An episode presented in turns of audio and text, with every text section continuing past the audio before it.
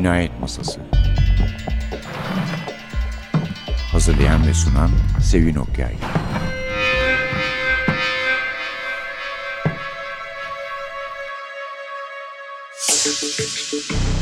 Merhaba.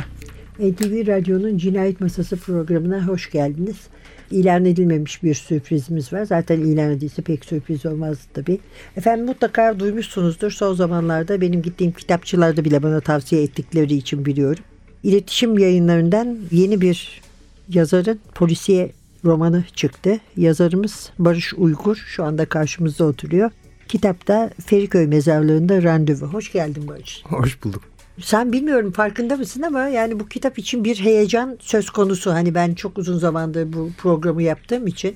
Öyle olmasını umuyorum tabii. Yani ben Öyle tam görünüyor olarak en azından. ben daha heyecanlı olduğum için herhalde diğer heyecanı fark etmekte güçlük çekiyor olabilirim. Yeni mi yazdın yoksa Aslında bu benim 2004'te yazdığım bir kitap. Yani 2004'te yazmaya başladığım ve hatta böyle tefrika halinde yayınladığımız bir kitap. Otium diye bir internet sitesi vardı. Erhun Geysi ve yönetmen Hakkı Kurtuluş beraber yaparlardı. Orada 15 günde bir, ayda bir bir bölüm olarak yazmaya başladım. Hani tefrika heyecanıyla başladı ama ondan sonra araya askerlik girdi, okul girdi falan. Sitede kapanınca kaldı. Ben askerden döndükten sonra 2006'da biraz Meltem Gürlen'in iteklemesiyle tamamladım ve ikincisine başladım. Bu sırada da bu şu anda yayınlanmış oldu tabii. çok güzel olmuş. Öteki de birkaç ay sonra çıkar inşallah gene. Çünkü yani biz zaten öteki olduğundan ben yani şüphelenmiştim. Çünkü Süreyya Sami polisiyesi diyor. Demek ki bir dizi ve devamı da gelecek diye düşünmüş. Evet yani e, ikinci kitap da bitti. Şu an yayına hazırlanıyor. İşte 3 ila 4 ay sonra da ikinci kitap herhalde Evet canım zaten birinci kitap bir gideceği kadar gitsin ki ancak ondan sonra tabii o da var yani. Tabii biraz işi de var tabii kitabın. Hani ben çok hızlı çünkü yazdım ikinci kitabı. İlkine Bir daha bakacaksın tam tersi. Editör çalışması falan. Ha, gayet güzel. Peki İstanbul'dasın değil mi? İstanbul'dayım. Eskişehir'e gidiyorum haydi sık dedin ama Eskişehir'de yaşamıyorsun yani. Orada doğdun sade. Eskişehir'de sadece doğdum ama yani Eskişehir'e öyle ayda bir, iki haftada bir falan hafta sonları gidiyorum tabii. Maç olduğu zaman gidiyorum Eskişehir spor maçlarına. Çok güzel. Aa, bir de sen şeyler yazıyormuştun. Ben senin adını oradan hatırlıyorum herhalde. Bu pişmiş kelle. Pişmiş Kelle'de başladım. Gırgır. Gırgır'da çok az yazdım Çok az aslında. Hani o Gırgır'ın Ertuğrul Akbay sonrası dönemiydi. Ee, Mizah yazıları mı? Çizik. mizah yazarlığı. Evet. Yani Pişmiş Kelle'de başladım 1996'da. Enginer Gönültaş'ın o da iteklemesiyle. Hep birileri beni iteklemeden pek bir Ha, şey yapamıyorum. Engin'in. İşte belki şey de olabilir tabii. Engin Ben de çok hoş bir esprisi vardır aslında yani. yani şey Engin Ergönültaş hani ben Engin abi diyeyim. Hani yersiz bir samimiyet de değil Bizim tabii. küçüğümüz tabii. Tabii. Ben çok sık dergiye gidip gelirdim. Böyle şey olarak hani okur olarak bir de oradakilerle ahbaplık kurmak için. Herhalde beni susturmak için orada sen yaz falan diye öyle bir köşe verdi. Öyle başladı. Ondan sonra Kıvrak bir kalemimiz var. Böylece de gitmiş. evet böyle devam etti. Şimdi en son işte uykusuzda yazıyorum her hafta yine. Yazıyor musun sen? Tabii. Herhalde uykusuzda da devam edecek. Yüksel ne yazıyorsun? Hikaye mi? Yani bazı haftalar bir mizah hikayesi daha böyle geleneksel formda bir mizah hikayesi yazmaya çabalıyorum ama onun dışında küçük bu Amerikalıların gag dediği onlardan tarzda biri. küçük paragraflar hani daha yoğun bir şey olsun diye daha fazla espri ve konu işlemek için. Öyle her hafta bir sütunum var orada. Güzel. Evet şimdi arkadaşımız Suat Çalkivik bize Feriköy Mezarlığı'nda randevudan bir bölüm. Mm-hmm.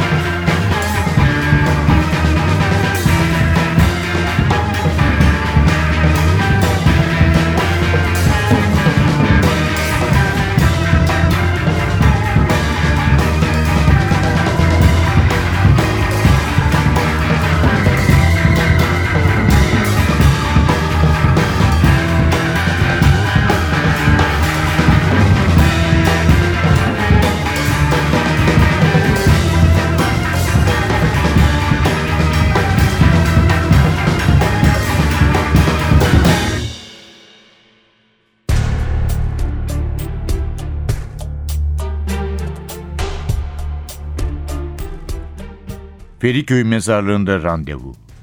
İşsizim. Evet, bunun heyecanlı bir hikaye için uygun bir giriş olmadığının farkındayım. Lakin gerçek bu. Aslını isterseniz birçok insan gibi sabah 9 akşam 5 bir mesaim olsaydı anlatacak pek hikayem de olmazdı. Geçelim.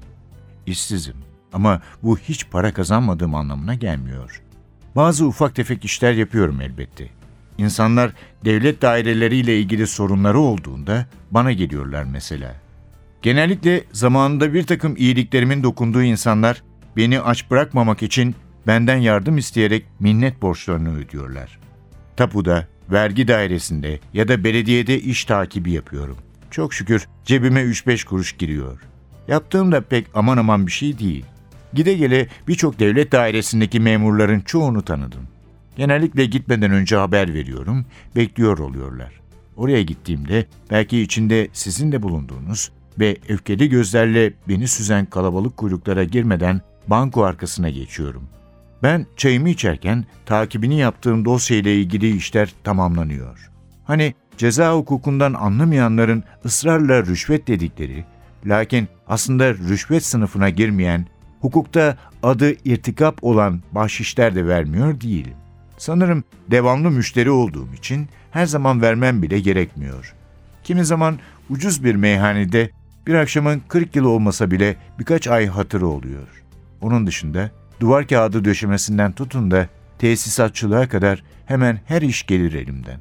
Çok sık olmamakla beraber boya badana işleriyle de nafakamı çıkardığım vakidir. Aslında marangozluk da bilirim ama bunun güzel bir çalışma ortamı ve bana biraz pahalı gelen bir takım aletler gerekiyor. Ya da gidip bir marangozhanede çalışmak. Eh bu da ne yazık ki yapabileceğim bir şey değil. Velhasıl kelam, Devlet İstatistik Enstitüsü'nün açıkladığı işsizlik oranlarında payım var mı yok mu bilmiyorum. Üstelik benim durumumda olan birçok insan tanıdığımdan her açıklandığında beni şaşırtan bu işsizlik rakamlarının biraz iyimser olduğunu düşünürüm. Tanıdığım insanların yarısından fazlası resmi olarak bir yerde çalışmaz. Birçok insan sigortasız çalışır. İşverenler sigorta yaptırmak istese buna yanaşmayacak olanlar da yok değil aralarında. İşveren için çok bir şey değişmez ama bu sefer bizim adamın aldığının yarısı SSK primine, gelir vergisine gider, elde çıplak tabir edilen asgari ücret kalır. Bu tabiri beğeniyorum. Çıplak ücret, normal bir insanı haydi haydi çıplak bırakır. Tanıdığım insanların yarısından fazlasının işsiz olmasına rağmen işsizlik oranının %50'ye vardığı bir istatistik görmedim hiç. Ama şüphesiz ki herhangi bir diğer şey olmadığım, olamadığım gibi istatistikçi de değilim. Ve sayılarla başım oldum olası dertte olduğu için hiç anlamadığım bu konulara girmesem sanırım daha mantıklı olur. Çoğu kez adam gibi bir üniversite okuyabilseydim ne iş yapacağımı düşünürüm. Gerçi hiçbir zaman bir şey okumak istemedim. Okulu da sevmedim.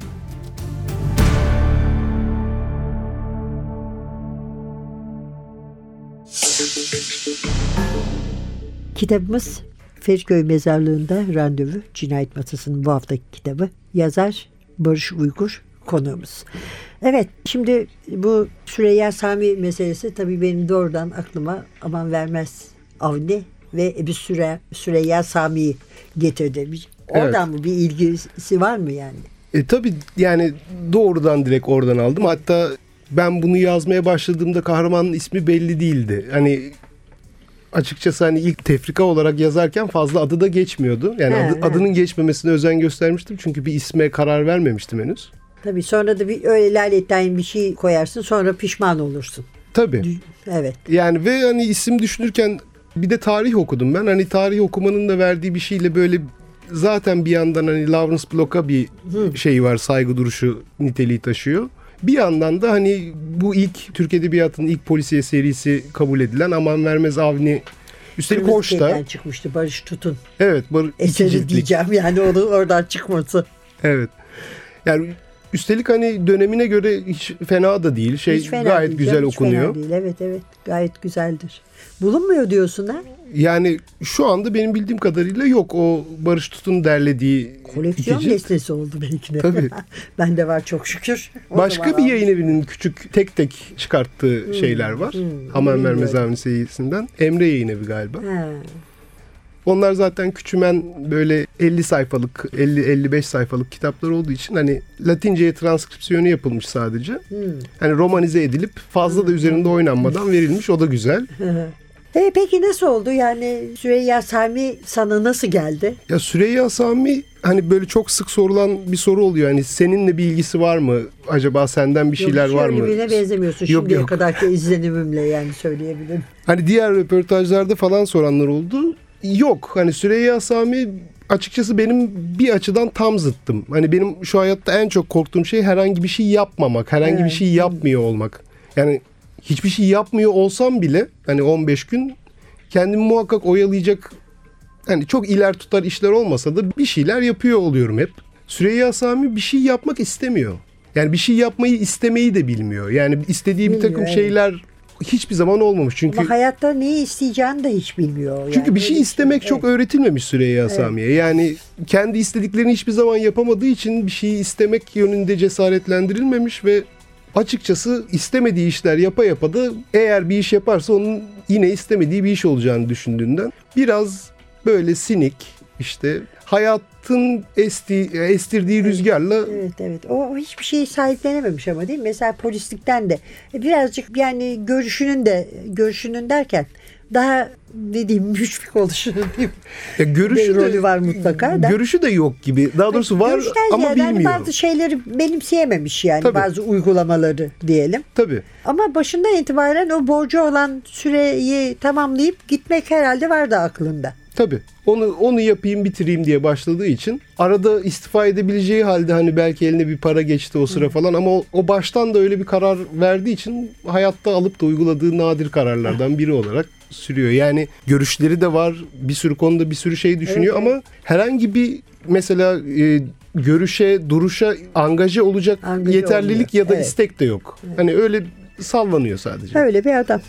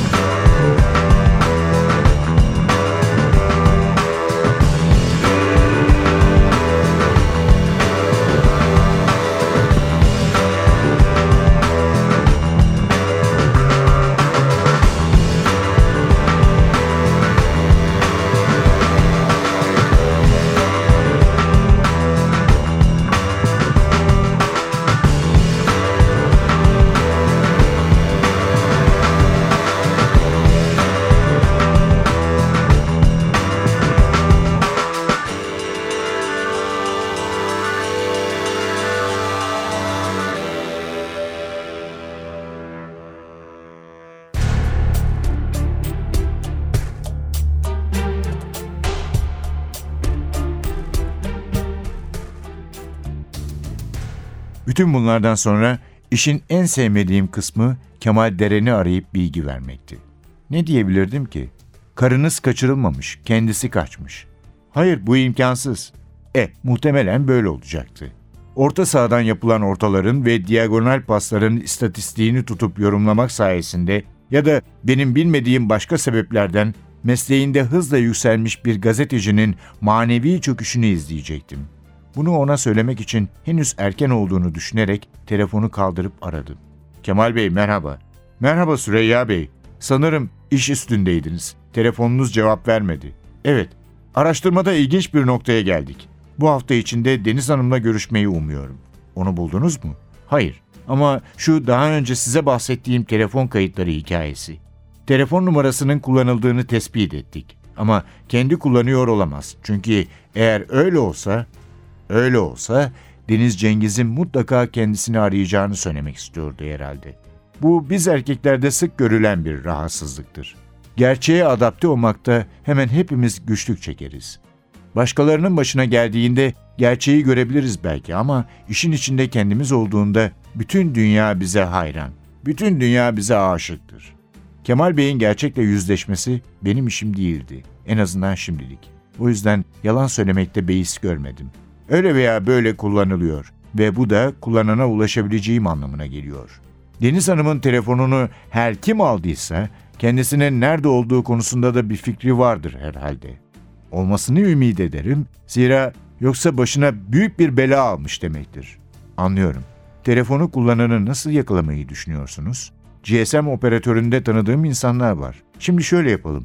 Ben bazı tanıdıklarla görüşeyim ve onlar hattı izleyerek nerede bulunduğunu bize iletsinler. Ne dersiniz? Kemal Bey, isterseniz siz bana işimi nasıl yapacağımı öğretmeyin. Ben de size nasıl futbol istatistiği yapılacağı konusunda söylev vermeyeyim. Çünkü inanın bu sizin kadar iyi bildiğim bir konu değil. Kemal Deren biraz bozuldu. Ama onu bu noktada frenlemek zorundaydım. Neticede Deniz Cengiz'i bulacaktım ama bu onu götürüp Kemal Deren'e teslim edeceğim anlamına gelmezdi. Zaten Deniz Cengiz'in beni aradığını da bu yüzden söylememiştim Kemal Deren'e.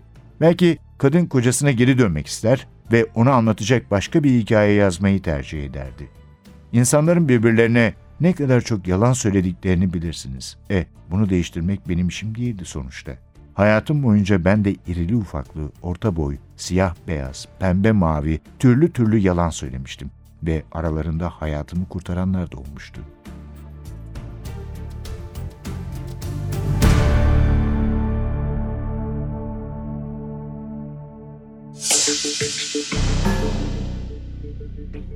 Cinayet Masası Feriköy Mezarlığı'nda randevu. Konuğumuz Barış Uygur.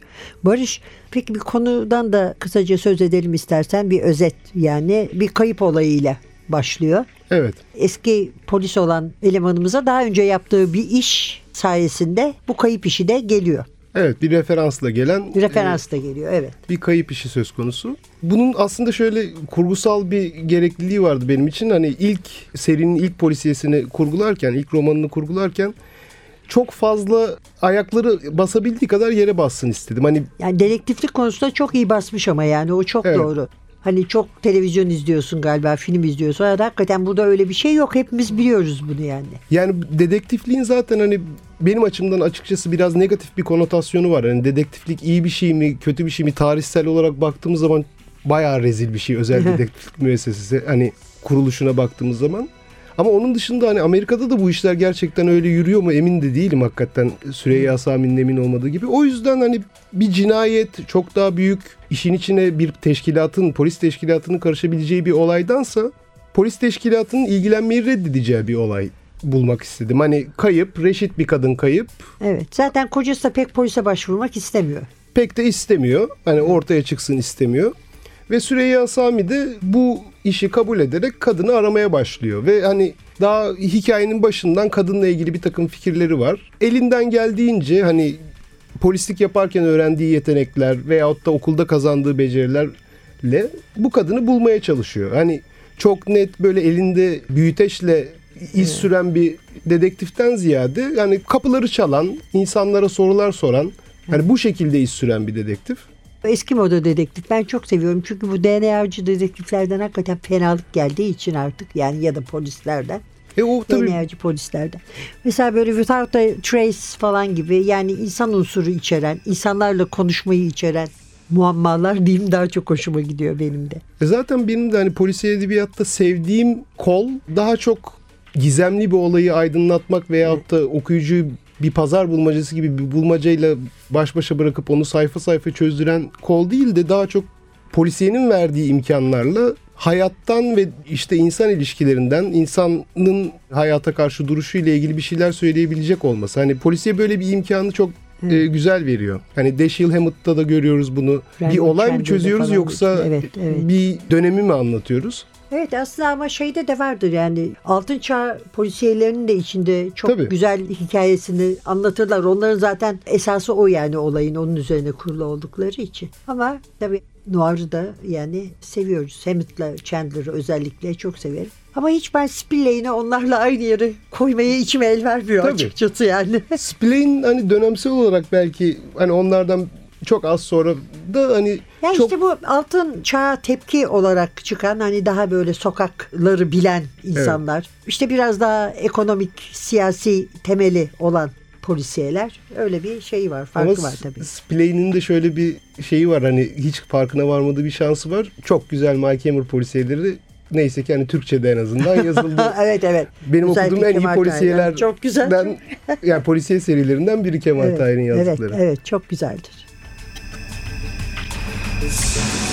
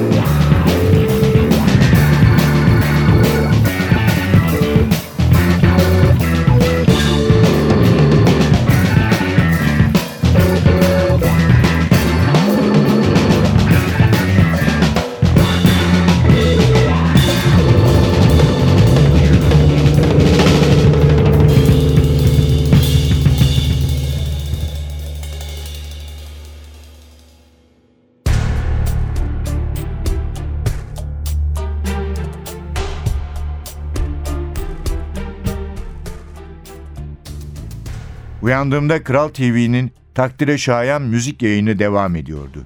Gece boyu kaçırdıklarım için fazla üzülmedim. Banyoda yüzüme biraz su serptikten sonra aynada kendime baktım.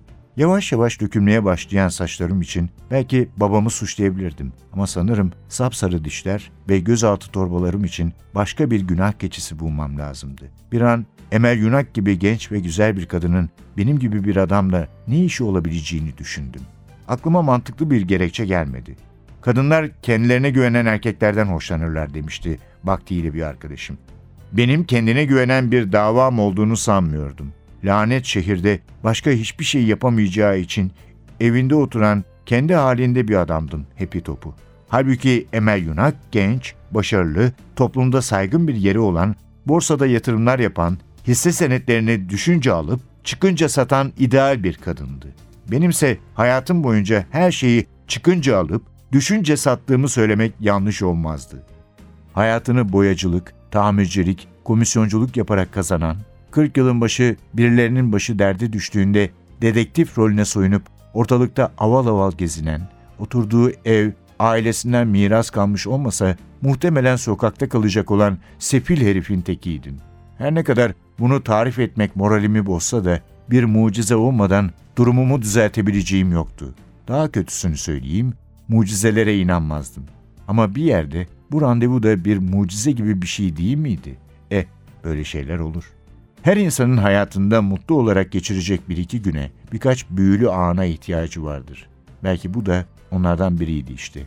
Yer yer katı bir mukavva kıvamına bürünmüş havluyu yüzüme bastırırken kendimi olaylara fazla kaptırmamam gerektiğini düşündüm. Şimdi dedektif rolünde onun için çekici olabilirdim ama ya yarın beni karşısındaki dairenin fayanslarını döşerken gördüğünde? Deniz Cengiz'in kaçırıldığı 22 Haziran'dan bu yana hayli zaman geçmişti ve Kemal Deren'den aldığım peşinat yavaş yavaş suyunu çekmeye başladığına göre çok yakında beni zaten fayansçı ya da benzer bir pozda görecekti. Oldum olası randevulardan hoşlanmam. Belki genellikle bir ikincisinin gerçekleşmiyor olmasındandır. Bir tür tek kullanımlık sevgiliyim yani. İkinci randevu için pek düşünülmeyen cinsten. Telefon çalmasaydı banyoda aynadaki suretime bakmaya daha kaç saat devam ederdim bilmiyorum. Fikret'ti. Patron, efendim Fikret, dün akşam aradım ama telefonun sürekli meşguldü. Başına bir şey geldi diye endişelendim. Saçmalama, ne için aradın? Ha tamam anladım. Şu yerin telefonu. Sonra neden tekrar aramadın?''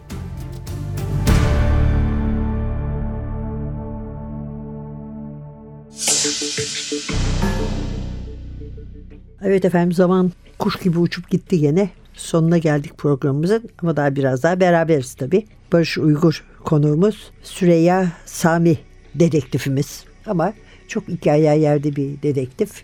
Remzi Ünal da öyledir ama mesela. Tabii.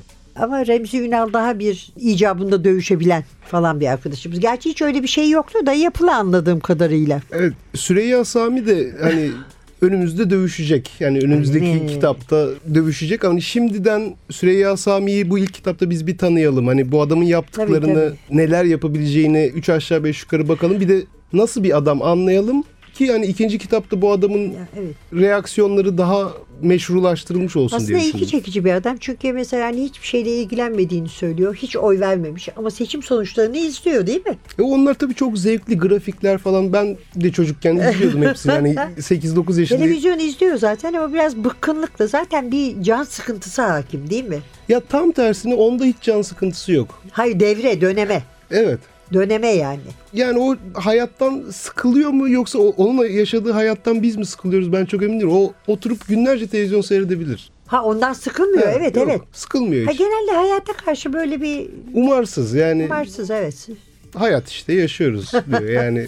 Ama onun için zaten hani işten de ayrılmış. İstediği saatte kalkıp yine işte kalk. Bir de bir şey yapmak zorunda da değil. Ev aileden değil mi? Tabii ev annesiyle babasından kalmış. Emlak vergilerini hiç ödememiş. Ondan şey yapıyor hani inşallah başıma bir şey gelmez diyor. Lawrence Block'a niye ithaf ettin?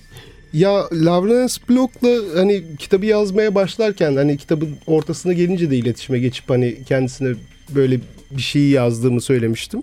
Çok da beklemediğim hızda çok olumlu da bir yanıt İrfan aldım. cevap vermiş yani. Tabii cevap verdi hemen.